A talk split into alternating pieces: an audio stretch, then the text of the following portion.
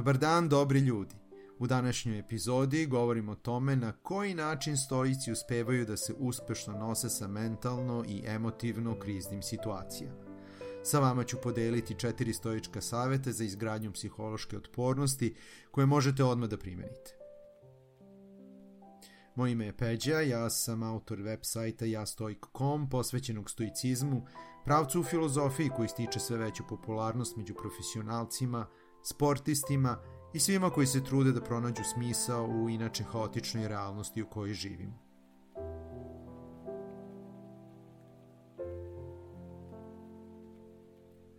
Stoička filozofija uči ljude kako da izbegnu nepotrebnu brigu i bol i pomaže im da se fokusiraju na stvari koje mogu da kontrolišu kako bi bili u stanju da donose ispravne životne odluke. Stoički stil života pomaže ljudima da do maksimuma razviju svoje lične potencijale i ostvare unutrašnji mir.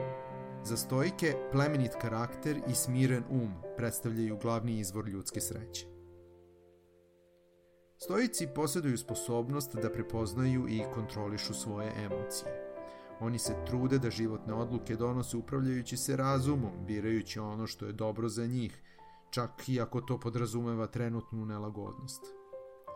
Tajna stoičke smirenosti nalazi se dakle u pažljivom posmatranju i razumevanju sobstvenih emocija, što rezultuje većoj psihičkoj otpornosti osobe i njenoj sposobnosti da se uspešnije bori sa svakodnevnim životnim izazovima.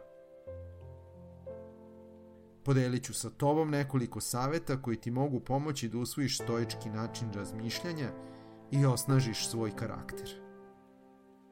Savet broj 1 radi na svojoj fizičkoj otpornosti. Stojici su bili veoma svesni veze uma i tela. Epiktet je šepao na jednu nogu, ali ga to nije sprečavalo da vodi aktivan život i da se bavi rvanjem. Poznat je njegov citat Hromost je prepreka telu, ali ne i duhu.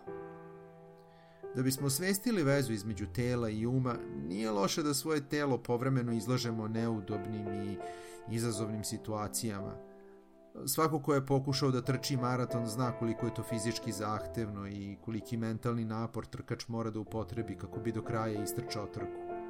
Svako bavljenje sportom je prilika da svoje telo dovedeš u neugodnu situaciju i da malo po malo treniraš svoj um da postane otporniji na fizički bol. Ako je tvoj um sposoban da prevaziđe fizički bol, bit će u stanju da lakše savlada i emotivni. Car Marko Aurelije je kao mladić često birao da spava na slami umesto u krevetu, što mu je kasnije pomoglo da se navikne na teške uslove života na frontu. Drugi stojeći su praktikovali da se zimi lagano oblače kako bi razvili otpornost na hladnoću. Danas su popularne razne metode za koje neki tvrde da imaju pozitivne zdravstvene efekte, poput isprekidanog posta, autofagije ili tuširanja hladnom vodom – One ti mogu poslužiti kao dobra vežba za jačanje duha. Šta god da radiš, budi oprezan. Cilj ovih praksi je da postepeno jačaš vezu uma i tela, a ne da se izlažeš zdravstvenom ili bilo kakvom drugom riziku. Savet broj 2. Voli svoju sudbinu. Stvari u životu često ne ispadnu onako kako smo mi zamislili.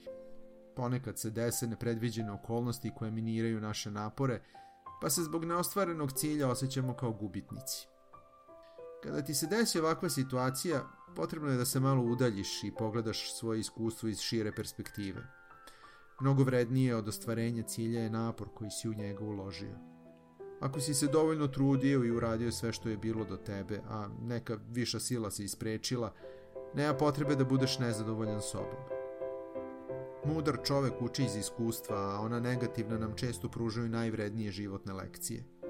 Nemački filozof Friedrich Nietzsche iskovao je moto Amor fati, voli svoju sudbinu, kako bi ilustrovao važnost mirnog prihvatanja svega onoga što nam život priredi.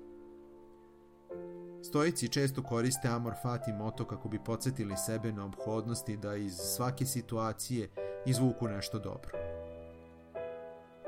Savet broj 3. Nije tvoja muka najveća.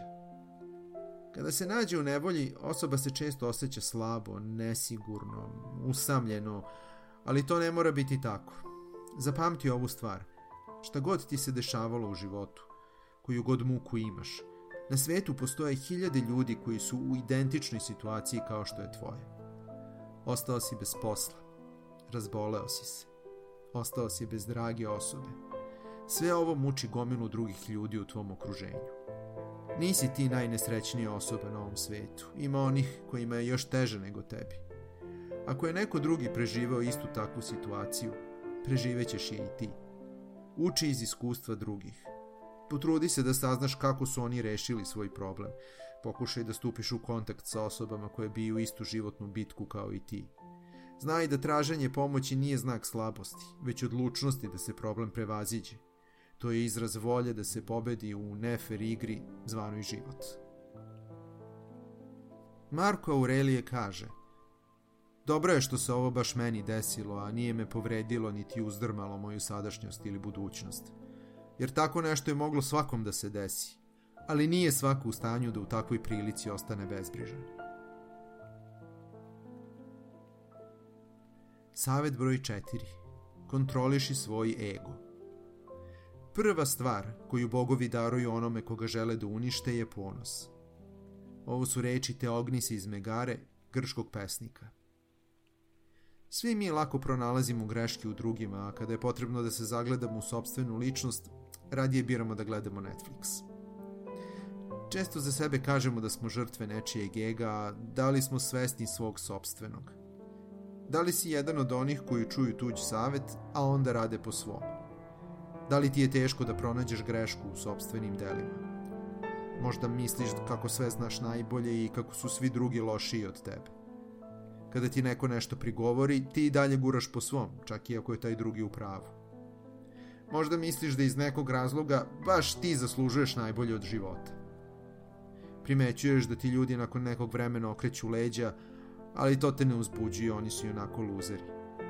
Ako prepoznaš sebe u većini ovih situacija, plašim se da verovatno imaš problem sa velikim egom. Nemoguće je da čovek bilo šta nauči ako smatra da već sve zna. Ovako je Epiktet opisao ljude sa velikim egom. Ako naučiš da kontrolišeš svoj ego, neće te vređati svaka izgovorena reč, izbeći ćeš mnoge neuspehe i razočaranja, a tvoji odnosi sa ljudima bit će mnogo bolji i harmoničniji. Da rezimiram, psihološka otpornost je sposobnost osobe da se mentalno i emotivno nosi sa kriznim situacijama i uspešno se oporavi od neprijetnog događaja. Stoik svoju psihološku otpornost jača tako što najprije unapređuje svoju fizičku otpornost. On je svestan da su stvari koje mu se dešavaju u životu stvari koje se dešavaju bilo kom drugom ljudskom biću. On smatra da nije ni gori ni bolji od drugih i ne dopušta svom egu da kontroliše njegove emocije traumatično iskustvo, stoik koristi da stekne nove uvide o sebi i svetu. Nepovoljne situacije prevazilazi koristeći razum, ne dozvoljavajući i ograničavajućim mislima da blokiraju njegovo mišljenje. Ako ti ovo o čemu sam pričao bilo zanimljivo, pozivam te da zapratiš Ja Stoik podcast i ja.stoik profil na Instagramu kako bi imao pristup dodatnim sadržajima na temu stoicizma. Takođe, možeš da posetiš jastoik.com website, gde možeš besplatno da preuzmeš e-knjigu 50 stoičkih misli koje ti mogu poslužiti kao inspiracija i putokaz za svakodnevni život. Želim ti da mudro iskoristiš današnji dan. Carpe diem.